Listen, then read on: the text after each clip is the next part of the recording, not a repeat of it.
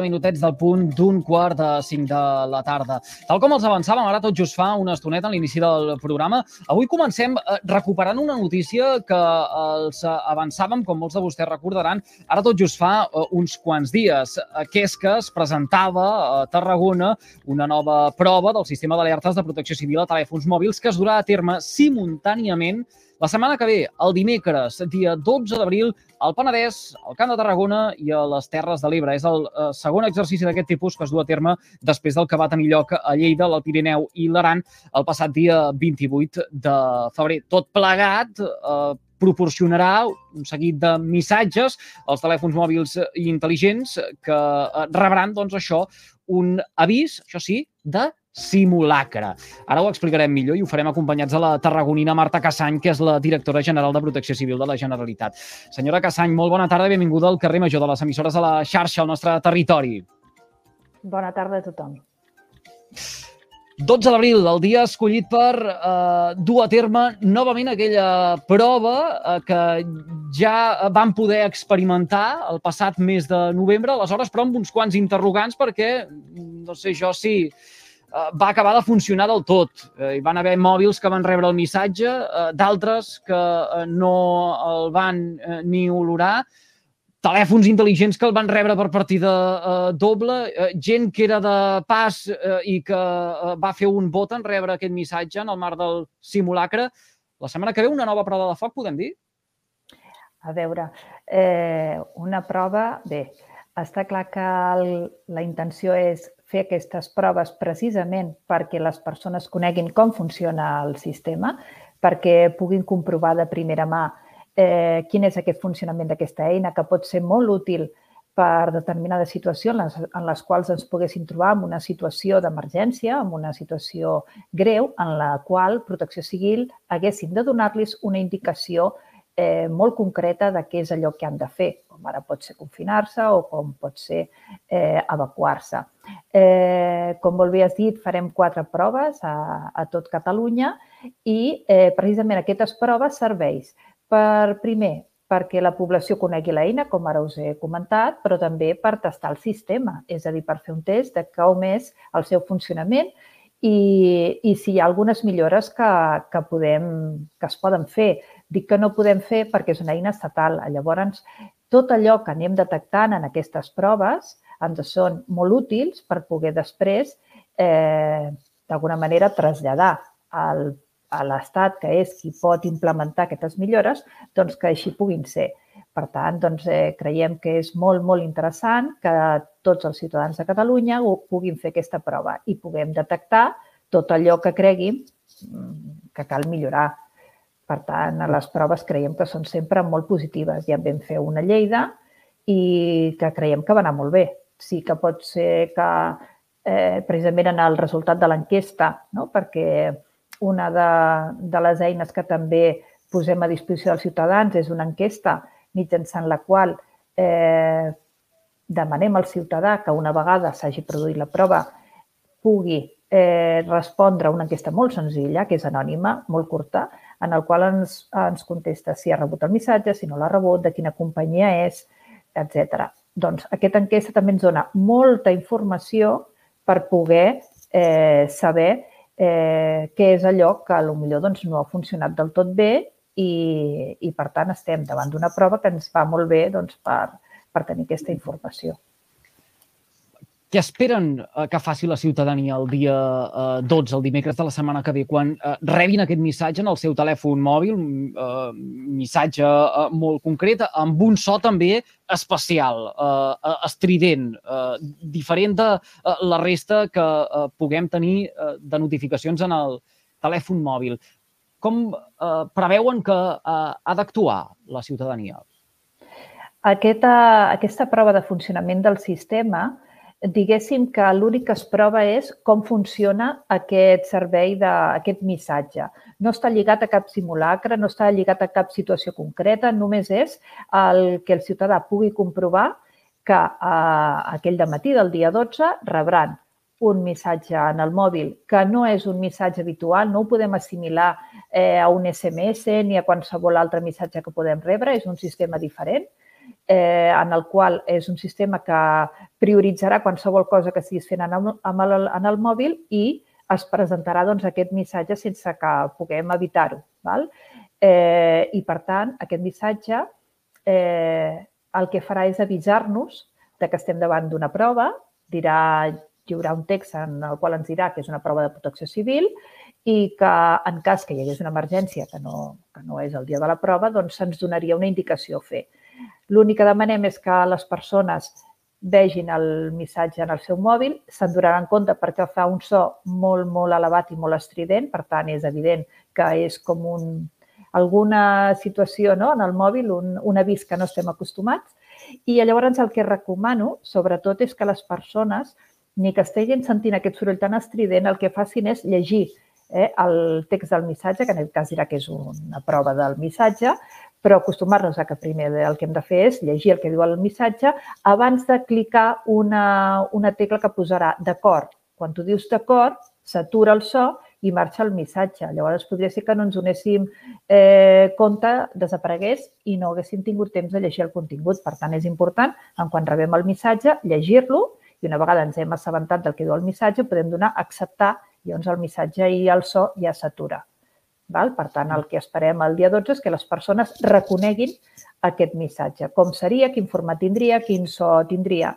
I com que és un missatge que ni que sigui molt útil, perquè el fet que puguem arribar a totes les persones que disposin d'un telèfon intel·ligent és una eina molt útil, no? que pot arribar a moltes persones, està pensada per situacions en les quals, com he dit abans, eh, estem davant d'una emergència això eh, comporta que poques vegades no, utilitzarem aquest sistema. Per tant, sí que és important que anem fent aquests recordatoris eh, de com és aquest, aquesta eina, perquè no la utilitzarem habitualment. No és una eina per donar avisos o recomanacions, és una eina per donar una indicació molt concreta en cas d'emergència. Per tant, el seu ús és molt concret, eh? no, no té un ús molt extensiu. Mm. Senyora Cassany, després del simulacre del passat mes de novembre, després de la prova que eh, dèiem ara a l'inici que eh, tenia lloc a finals del mes de febrer a Lleida, l'Alt Pirineu eh, i l'Aran, tenint en compte ja, suposo, les primeres enquestes que hauran rebut per part de la població d'aquests territoris, quin és el marge de millora que té una eina d'aquestes característiques? Bé, eh, el marge de millora mm, crec que pot dependre a vegades de si hi ha determinat lloc on potser no hi ha cobertura telefònica. Una de les, dels requisits d'aquesta eina, tal com l'ha configurat a l'Estat i així ens l'ha entregat, és que l'avís que, que nosaltres fem a través d'aquesta plataforma s'envia a les companyies de telèfon i les persones que tinguin cobertura telefònica de, de les companyies, de qualsevol d'elles, eh, arriba a totes les companyies, eh, les, els mòbils que tinguin cobertura d'aquelles antenes doncs rebran el mòbil.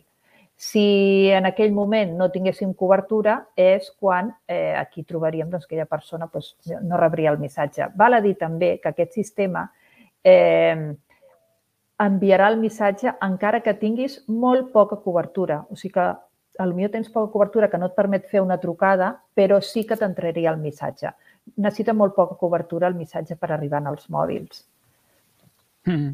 Una eina que va eh, lligada eh, també en la campanya informativa de risc químic que es presentava eh, tot just ara fa eh, 15 dies al nostre territori amb el lema eh, efecte bombolla. El que vol recalcar és la necessitat de practicar el confinament en cas d'accident químic, tot tancant-se en l'edifici més proper. Eh, senyora Cassany, eh, tenim clar la ciutadania què és el que eh, hem de fer eh, quan eh, rebem aquestes alertes però no es tracta d'un simulacre, quan s'activen eh, les sirenes que hi ha instal·lades al eh, territori, o banalitzem eh, totes aquestes emergències? Jo crec que la ciutadania de Tarragona cada, i del Camp de Tarragona cada vegada és més conscient de, de, de que pel fet de viure eh, a prop d'aquesta indústria doncs hi ha uns riscos que, que, que que, que els tenim no? i que d'alguna manera hem d'estar preparats. El simulacre del 2 de novembre crec que va ser eh, un punt mm, d'inflexió. Crec que el, el missatge de que en cas d'accident químic el primer que hem de fer és confinar-nos eh, confinar-nos a casa, anar al centre comercial on estiguem, eh, si estem al carrer, buscar el primer edifici que, que tinguem a mà a prop per entrar i confinar-nos. Crec que aquest missatge el dia 2 de novembre va ser efectiu. Tot i així, eh, volem reforçar aquesta idea del confinament i per això aquesta gran campanya que s'ha fet des de, dic gran campanya en el sentit de que per rellevància és la, la més important que s'ha fet per part de la nostra Direcció General de Protecció Civil. Eh, doncs aquesta campanya del risc químic de l'efecte bombolla, és a dir, fer referència a aquesta necessitat de confinar-nos per autoprotegir-nos en cas de risc químic, doncs encara ve a reforçar allò que durant aquest eh, simulacre del dia 2 de novembre els ciutadans ja van poder eh, experimentar, perquè quan experimentem aquest tipus de situacions és quan eh, d'alguna manera les acabem interioritzant, no? I el dia que això passés, doncs ja sabríem com actuar perquè en el simulacre ho vam fer, no? Vam tancar les finestres, vam apagar l'aire condicionat i el que vam fer va ser quedar-nos a casa. Eh, en cas d'accident químic, penseu que a part d'aquest aquest missatge, també sonarien les sirenes, també eh, hi hauria tots els avisos que el Pla Secta té previstos eh, a través dels municipis, a través dels mitjans, a través de les xarxes socials. Per tant, aquest missatge en el mòbil és un canal de comunicació més afegit que tindríem en un cas d'accident químic. No és l'únic. Tindríem les sirenes, com, com ja va succeir no, en el simulacre i amb l'accident que va haver uns dies després de Constantí, que també van haver-hi doncs, aquesta, aquesta sonada de les sirenes i que la indicació és el confinament. Hmm. En el marc d'aquesta campanya Efecte Bombolla se'ns va dir que uh, tindria molta més incidència al nostre territori pel fet que uh, hi ha implementada uh, tota la indústria uh, petroquímica uh, en l'entorn de Tarragona i poblacions de, de les Rodalies. Uh, per tant, es preveu dotar de més recursos també al nostre territori en aquest sentit? El Pla Secta és un pla viu, és un pla que va evolucionant, es va treballant i, i cada vegada doncs, van introduint-se noves campanyes, noves accions. Eh, ara també començarem una, una campanya formativa de sensibilització i difusió en els polígons, en, la, en els treballadors dels polígons químics, tant d'empreses químiques com empreses veïnes d'empreses químiques, doncs, que també doncs, a nivell dels treballadors han de saber no? com actuar d'acord amb, amb la seva, doncs, també amb la seva estructura no? de, de, de organitzativa de treball i, i efectivament doncs, el, el pla secta és un pla viu que sempre doncs, anirà eh, evolucionant. No? Eh, doncs en aquest, eh, en aquest sentit, eh, val a dir també que estem, eh, tenim implementat el pla de sensors que vam fer, un pla pilot, i ara doncs, s'està treballant per licitar aquesta segona tanda de, que seran més de 500 sensors que detectaran nivells molt alts, molt alts em refereixo a nivells que puguin suposar un risc per la salut de les persones de manera immediata, és a dir, per detectar un cas d'accident químic, no? de risc químic, doncs tindrem aquesta barrera de sensors que ara doncs, eh, es començarà la seva licitació i que detectarà vuit productes eh, químics que, que seran els que aquesta barrera doncs, detectarà si superen un d'aquests nivells que he, que he comentat.